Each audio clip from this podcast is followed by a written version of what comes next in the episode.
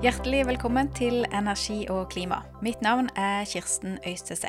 I dag skal vi snakke om hva LO og NHO vil med sin nye energi- og industripolitiske plattform. Dagens gjest er Are Thomas Gahr. Han er bedriftsøkonom, tidligere industriarbeider og mangeårig Arbeiderpartipolitiker. I dag er Thomas Gahr sentral i LOs ledelse. Men den politiske karrieren den starta som miljøaktivist. Når jeg vokste opp inn i Hardanger, Odda, så var Sørfjorden, eh, en del av Hardangerfjorden, det var verdens mest forurensa fjorder. Og vi, vi ungene og ungdommene som vokste opp i Odda, vi, eh, vi eh, var veldig aktive for å få gjort noe med fjorden. Så min inngang i politikken var, var faktisk som miljøaktivist. Det, var, det ble sagt at det eneste som var rødere enn den politiske fargen i Odda, det var Hardangerfjorden eller Sørfjorden. Den var knall rød av giftstoffer, var en pøl. Og det var sagt at når vi uh, ungene gikk på barneskolen på, i Odda barneskole, så uh, hadde vi kristendomsundervisning den gangen. Og da ble det sagt at uh, det var et under at Jesus, hadde, at Jesus, hadde, gått på vannet. Og da lurte vi på hva faen det underet bestod av. For det var jo slik at alle kunne gå tørrskodd over indre del av Eitrendsvågen.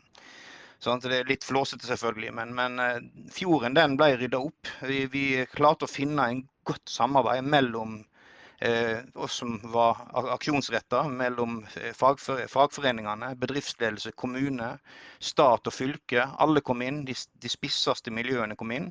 Og I dag så kan du spise blåskjellene på kaikanten på, på bedriftene der inne, og fisken er friskmeldt, fjorden er friskmeldt. Så uh, den historien er jo også en bra inngang, tenker jeg, når vi skal inn på den plattformen, for den snakker jo også om samarbeid. Så, og Det er jo det, det, det, plattformen mellom LO og NHO handler om. Det handler om at eh, bransjer som har forskjellige interesser, de, de, finner hverandre. Hva er det dere vil med denne plattformen? Vi vil samle eh, interessene. Altså der, der, der, vi vet at det er interessespenninger mellom forskjellige bransjeområder, også forbundsområder innad i LO. Og vi, vi har tidvis sett at debattene har gått ganske høyt. Og for å si det sånn, det er ingen løsninger, ingen klimaløsninger, ingen naturvernløsninger du finner ute på polene. Der finner du polemikken, der finner du uh, diskusjonene, der finner du teoretikerne, der finner du symbolene. Men du finner ikke løsningene der. Løsningene det finner du når du setter deg sammen, stevner hverandre en finner fram til de gode kompromissene. Kompromisser der en har tatt kvaliteten i hverandre sine argumenter. Finner vinn-vinn-mulighetene som ligger i det. Og så utvikler en politikk, en utvikler rammer, en utvikler næringsliv. Så gjør en de faktiske investeringene. Og Det er dette handler om. Det handler om at vi har, vi har samla interessene. Vi har eh, funnet vinn-vinn-muligheter. Vi ser det at vi har en felles utfordring som vi må løse. Og så går vi sammen og så ser vi at vi må, også, vi må også ta de mulighetene. Næringslivet ser næringsmuligheter. Vi som er ansatte ser muligheter for å både sikre eksisterende arbeidsplasser, men også å utvikle nye bærekraftige arbeidsplasser for framtida. Og da, da, lar vi en del kjepphester stå i gangen, og så, så går vi i gang og så finner vi løsningene istedenfor. Noe av gevinsten ved å samles om en sånn plattform, det er jo som du er inne på, å enes om det som er litt krevende, og dermed ha ulikt syn, ulikt ståsted. Klarer dere å komme fram til noen nye kompromisser her? Ja, definitivt. Eh, det er jo, det er jo slik at en nå er enige om at vi skal satse massivt på industri i Norge. Vi er enige om at vi skal satse på, på videreutvikling av fornybar energi. Eh, vi skal inn på havvind bl.a. Vi, eh, vi skal ha inn eh, verftsindustrien vår. Skal, skal transformeres til å kunne lage komponenter for, for, de nye, store installasjonene som skal stå og produsere fornybar energi fra havet. Vi, eh, vi, ser det i forhold til batteri. Eh, vi trenger massivt med energi inn for, for eh, det fire store batteriprosjekter som er på gang i Norge i dag. Og det er bare en liten brøkdel av det som må opp dersom verdenssamfunnet skal klare klimautfordringene. Så vi, vi, må ta vår andel av dette. Vi snakker om anlegg som vil ha flere tusen arbeidsplasser i, i, hver, i, i hver, batterifabrikk. Men vi, vi ser også at vi trenger, vi trenger å forsyne denne både med kompetent arbeidskraft, vi trenger å forsyne den med, med, med elektrisk kraft, fornybar kraft. Og vi, vi trenger, også, trenger, også, å utvikle infrastrukturen rundt dette. Så vi har gått inn, vi har funnet, vi har funnet at vi må samarbeide. Oppgavene er så store. Løftene er så, er så uendelig store det som står foran oss. Og Skal vi klare dette, så må vi samle kreftene. Da må vi, må vi samle oss i Og Det er jo det plattformen handler om. At vi har, vi har funnet innganger som gjør at vi, gjør at vi klarer å koordinere hverandre. hverandre. å ut, ut, vi klarer å utvikle noe sammen. Og da ligger det, ligger det, til rette for at vi skal kunne klare å etablere det som da vil skape klimavennlig produksjon, arbeidsplasser, og som igjen vil gi, gi oss skatteinntekter som grunnlag for det velferdssamfunnet som vi alle nyter godt av. I plattformen så har dere kommet til enighet om noen konkrete tiltak. Bl.a. elektrifisering av sokkelen, det skal bygges ut mer kraft, og nettutbygging må gå raskere. Hvorfor er dette så viktig? For det første så er jo det at eh, skal, vi nå de målsettingene som politikerne har fatta, som et ganske stort flertall på Stortinget har fatta, så, så, kommer vi ikke utenom å elektrifisere sokkelen. Så ser jo jeg at det er en debatt om det er nødvendig eller ikke. Men eh, det er også slik at, slik at eh, i, forhold til vårt nasjonale CO2-regnskap, så vil det ta ned utslippene noe, noe, noe enormt. Ellers er det, er det, klart at uh, vi må gjøre litt av alt. Vi, det, det finnes ingen altså Den, den dårlige beskjeden til, til folk, det som er den utfordringen vi alle sliter med. Det finnes ingen kraftproduksjon som ikke har en eller annen negativ side ved seg. Og så er det om, om, om å balansere dette med de forskjellige kildene vi har, slik at vi, slik at vi, der, altså vi går inn og produserer der, der de negative fotavtrykkene er minst. Og så er jo en enig om at uh, I forhold til klimaet så, så er det fossil uh, forbrenning altså, som frigjør CO2. Det er noe som skal ut. Vi ser jo det at uh, motstanden mot vind er, er stor motstanden mot å ta i bruk urørt natur når det blir mindre og mindre urørt natur igjen, den er, det er naturlig. Det er en tyngdelov. Den vil bare bli økende. og Det må vi ta inn over oss. Det er slik at eh, vannkraft, De store vannkraftutbyggingens tid er over, var vel Jens Stoltenberg som sa i, i sin tid. Eh, men det gir fremdeles et potensial tilknyttet de vassdragene vi allerede har tatt i bruk. Men vi ser også at det kommer reaksjoner inn i forhold til når nå, akkurat i disse dager kan en reise opp i, i fjellheimen og en ser, ser, ganske store gap i, mellom vannspeilet og, og, og, og, naturen. Fordi at en, en, driver, en spiller jo selvfølgelig på magasinene. Det er jo, det er jo en form for batterier vi snakker om. Og vi, vi, vi, vet at ja, solenergi er for så vidt det, det som er det, er det minst omstridte, sånn sett. Men det, det vil, vil, jo være en begrensa hvor mye vi kan, kan, gjøre ut av det i Norge. Vi bør gjøre mye mer ut av det også. Og så har vi eh, eh, så har vi havvind, som du sier. Ja, Det er ikke så veldig omstridt, men i den begynnende fase så må vi være innstilt på at vi skal subsidiere ganske mye. Altså Det kommer til å trenge, trenge veldig mye drahjelp og støtte i en begynnende fase. Og, og, det igjen vil helt sikkert bli debatter rundt. Så, så uansett hvor en snur seg henne, så vet vi at det kommer til å ha en kostnad når det gjelder energi. Den billigste energien er jo den vi ikke bruker. Den krever verken nett eller noe. Så energieffektivisering det legger jeg inn som en forutsetning at alle skal jobbe, jobbe med. Klimapolitikken den danner jo rammen for energi- og industripolitikken. Og Hva betyr Parisavtalen, hva betyr EUs Green Deal, hva betyr IEAs nye netto null-rapport for hvor raskt Norge nå skal få til et grønt skifte? Ja, rapportene betyr jo, betyr jo mye, men det som betyr enda mer, det er jo de markedene som vi lever av. Eh, de store 70-80% av alt vi produserer for eksport i Norge, det går til eh, de europeiske markedene. Og eh, observasjonen er jo veldig enkel. Det er at eh, etterspørselen etter produkter som har et lavt klimafotavtrykk, de er økende, sterkt økende. Det rapporterer Jeg jeg sitter i styringsgruppa i Prosess 21, og industribedriftene varsler inn at etterspørselen etter, etter produkter med, med lave klimafotavtrykk den er økende. Og så er det jo en eh, erkjennelse at eh, vi ser millioner av klimastreikende ungdommer, som i dag eh, ikke er den største forbrukergruppa, men om ett år, to år, fem år, så er det småbarnsfamilier. Det er de som skal inn i markedene for fullt. Det er de som skal kjøpe biler, det er de som skal bygge boliger, det er de som skal kjøpe vaskemaskiner. alle hvitevarer, alt du kan tenke deg, for å si det sånn. og de kommer til å stille helt andre krav. Altså de, de, er opptatt av dette. De, de er svært bekymra i forhold til utviklingen når, når, det gjelder klima. Naturlig nok, ut ifra FNs klimarapporter. Og det kommer til å prege de som kunder i markedet, noe som igjen kommer til å gjøre at endringene i markedene kommer til å gå enda fortere. Så hvis ikke vi som industri og industriarbeidere, hvis ikke vi som, som næringsliv tar inn over oss de enorme endringene som er i markedene våre, ja vel, så, så er, det, det finnes jo ikke arbeidsplasser som ikke har et marked i andre enden når, når, det kommer til industri. Du må ha et marked for produktene dine, og vi må tilpasse oss i forhold til markedene. Men så er jo beskjeden tilbake til ungdommene at hvis ikke du har en industri som er i stand til å produsere varene de vil trenge for sin velferd i, si, i sin framtid. Hvis ikke du har en industri som kan gjøre det med lave klimafotavtrykk, ja vel, så blir det jo bare med seminarene, da blir det bare med symbolene, da blir det bare med pratet. Det er jo industrien dette kommer til å skje.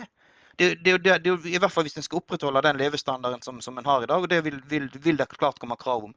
Vi, vi, er nettopp nå ferdig med et lønnsoppgjør, og vi, vi, ser jo det at kravene er jo ikke å gå ned i lønn for folk. Kravene er jo at du ønsker økt velferd, du ønsker å ta del i det. Du ønsker en rettferdighet i forhold til lønns, lønnsavviklingen. Så vi sitter jo på den sida og ser det inn også. Så dette, disse tingene henger sammen, og det handler om å forstå den framtida vi er på vei inn i. Og da må vi, da må vi, må må vi gjøre de tiltakene. Rapportene forteller om retningen, det er ikke noe annet som skjer. og Den retningen har vi observert for lenge siden. Vi er i gang med, med, med å ut, utvikle industrien i forhold til å gå inn i dette. Du sier rapportene setter retningen, eh, men tempoet kan gå raskere enn vi tror i dag. Hvis du ser dagens industribedrifter i Norge, er de rigga for at verden kan gå til netto null i 2050? Altså, det, det, det, er jo veldig stor forskjell. Det, det er jo et lag som, eh, som er veldig spredt. Eh, noen industribedrifter er veldig godt rigga ligger langt framoverlent. Har en produktmiks som er nesten ja, fornybar, for å si det sånn, altså resirkulerbar og, og, den biten der. Andre bedrifter har et lengre stykke å, å gå. Uh, og igjen så, så, er det jo igjen uh, Det skal økonomi inn i dette. her. Det, det, en kan godt ønske og, og ville og alt det her som Per Gynt snakker om, men det å gjøre det var vel det han konkluderte med, det var mer krevende. Og det, Vi er jo litt der i denne debatten også. Og jeg tror nok det at uh, industrien vet veldig godt at hvis ikke vi kommer først på ballen i en del av de, de utviklingsløpene som går nå, så kommer en til å miste, uh, miste, andeler i markedene slik det kommer til å utvikle seg. Og Det er jo ikke industrien interessert i sjøl heller. Så, så her, her, er det en veldig sterk interesse for oss å, for å gå inn i det grønne skiftet. Ta sin andel av uh, de næringsmulighetene det byr på. Vi er opptatt selvfølgelig at de arbeidsplassene skal komme hjem til oss. Og som jeg har sagt før, skal være skikkelige, gode arbeidsplasser. Vi skal ikke gå ifra gode arbeidsplasser til dårlige arbeidsplasser. Du er inne på en utfordring som dere også peker på i plattformen. For i dag så er Norge blant landene i OECD som raskest taper andeler i internasjonale eksportmarkeder. Hvorfor gjør vi det? Ja, det, det nå, nå, handler det litt om, om eh, den miksen vi har på næringslivet vårt. Eh, vi, vi er for ensidige. Vi må utvikle flere strenger å stå på.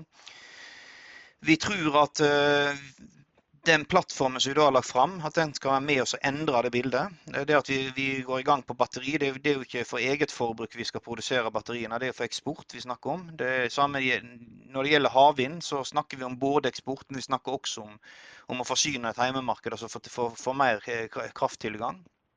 Når det gjelder hydrogen, som er, som er, lite bygd infrastruktur og, og et, et, et, eh, lite utvikla marked så langt, men vi ser at ting er emning, så er jo det også med tanke på, på eksport. Så alle de store øvelsene vi gjør, det handler jo om å få, få, i gang eh, få i gang og få opp eksportnæringen i Norge. Men det er klart vi, vi er veldig avhengig av olje og gass. Større og større grad gass, mindre og mindre grad olje. Selv om tok, produksjonen på olje tok litt opp igjen etter vi, vi starta Johan Sverdrup, så er det likevel slik at vi, vi vi produserte mye mer olje i 2002 enn vi, vi, vi gjør i dag, for å si det sånn. Mens, mens, gass produserer vi veldig mye av. Og Der jobber vi også med, med CCS. Dette med, med å produsere blå hydrogen, som er en del hvis du går inn og ser på IEA-rapporten, som er en del av, av en, en, viktig satsing framover. Så, så, her handler det om, å ta seg litt, altså lese rapporter, la ting sige inn, reflektere litt og se helheten i de rapportene som blir lagt fram. Når det gjelder IEA-rapporten, så sier den at det er én vei, det er ikke selve veien. Eh, altså Dvs. Si at det er retningen de angir.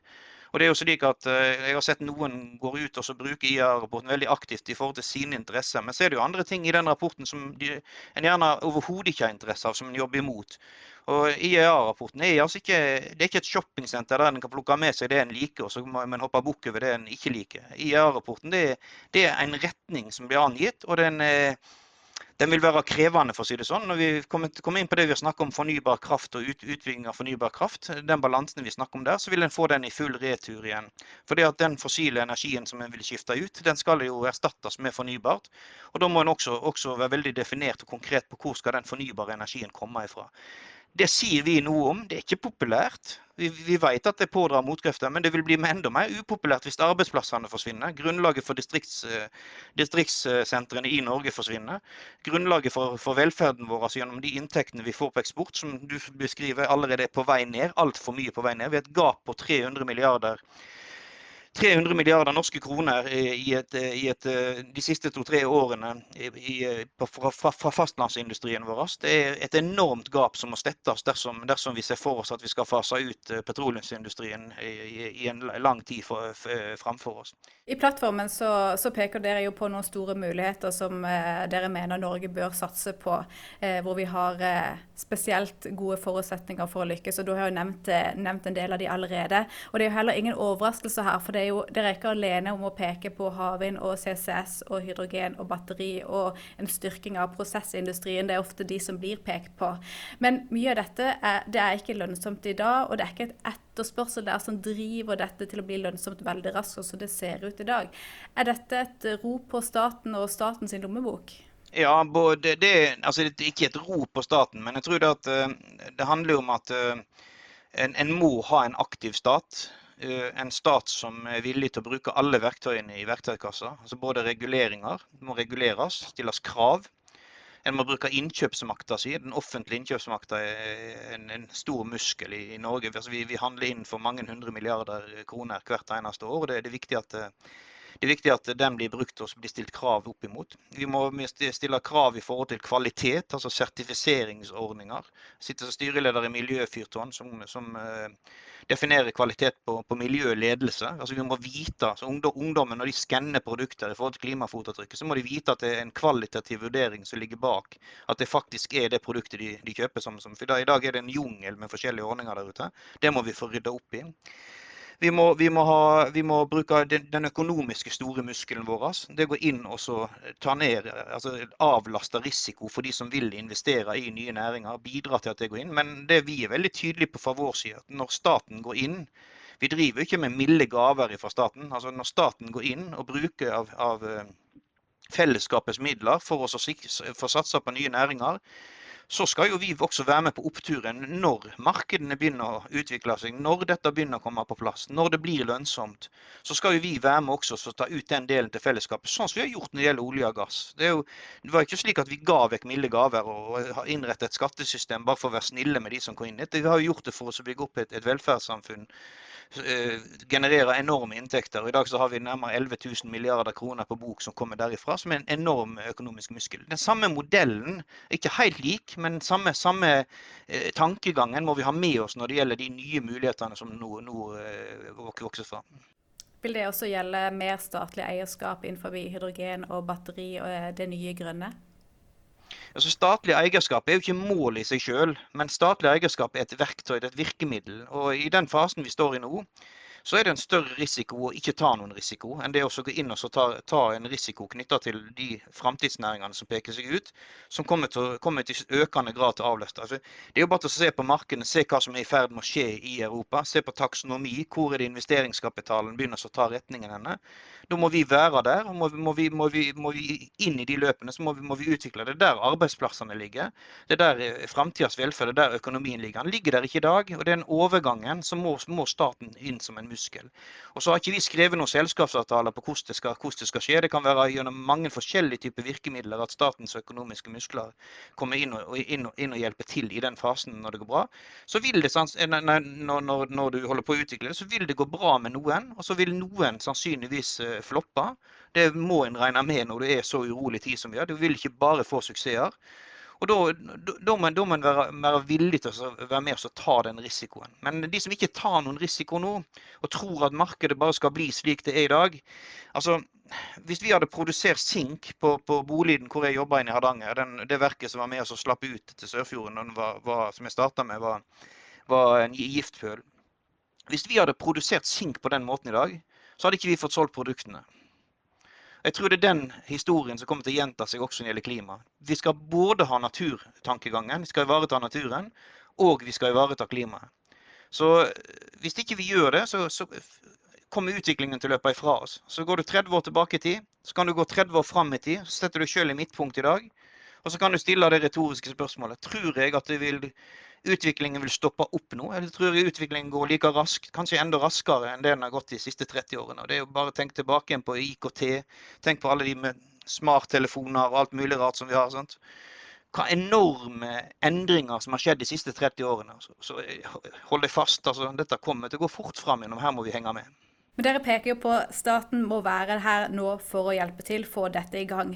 Men hva er deres forslag til politikk for å unngå at eh, havvind og CCS og hydrogen blir et evig subsidiesluk?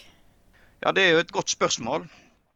Men det igjen, det igjen eh, vil jo være at det må selvfølgelig avpasses. Det må, det må sørges for at det, det, er et marked som er under utvikling. Det må inngås avtaler som, som sikrer langsiktighet knytta til dette med de som er i interesse sånn som markedet utvikler seg, så, så tror jeg det blir en jeg, eh, jeg, tror det blir en håndterbar øvelse å rydde markedet som gjør at det vil bli lønnsomhet i dem. Men det er klart de rapporterer i dag, altså hvis du ser på lønnsomheten i å gå inn i havvind f.eks., målt mot de petroleumsprosjektene som har, har vært de siste ti årene, så er jo, er jo, det vi er helt nede på marginalene i forhold til, i forhold til eh, hva, hva inntektssida viser så langt. Men tar du IEA-rapporten retningen, hvis den, hvis den, ser utviklingen i markedene, ser de spenntakene som en tar nå i, i, EU, Green Deal, hvis den ser nå hva Biden-administrasjonen varsler bort i USA, og Hvis en tar det utgangspunktet at nå, nå er det, det, er for stor risiko å gå inn i dette fordi at marginene er så lave som de er i dag,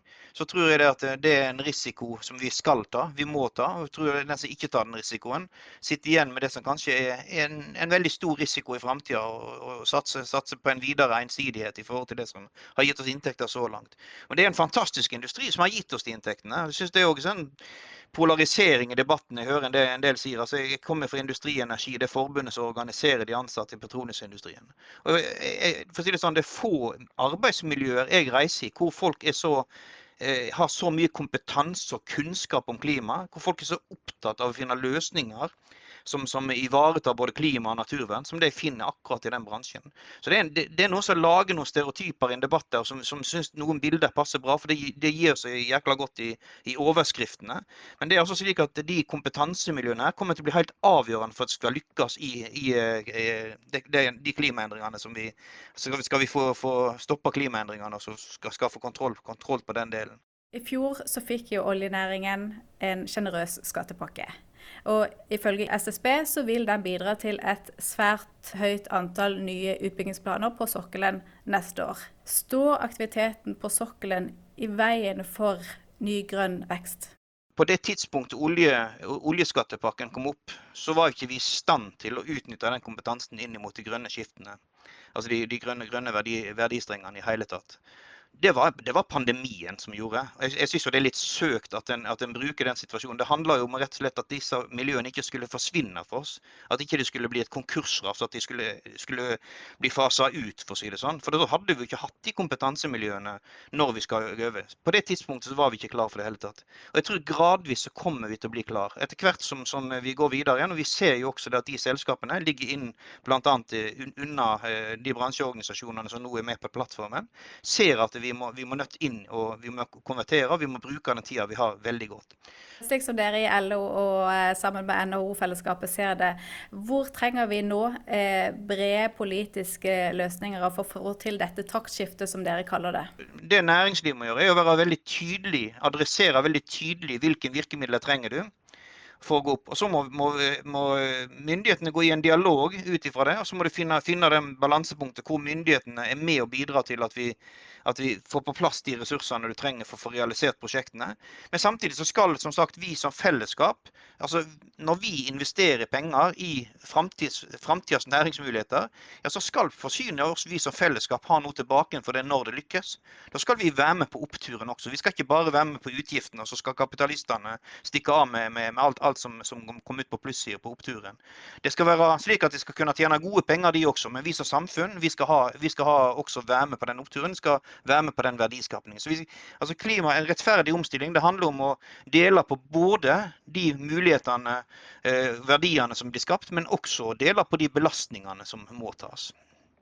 Da sier jeg tusen takk for at du var med i podkasten til Energi og klima, Are Thomas Gahr. Takk skal du ha. Og takk til eh, du som lytter på. Husk at du kan abonnere på Energi og klima i din foretrukne podkastspiller. Takk for i dag.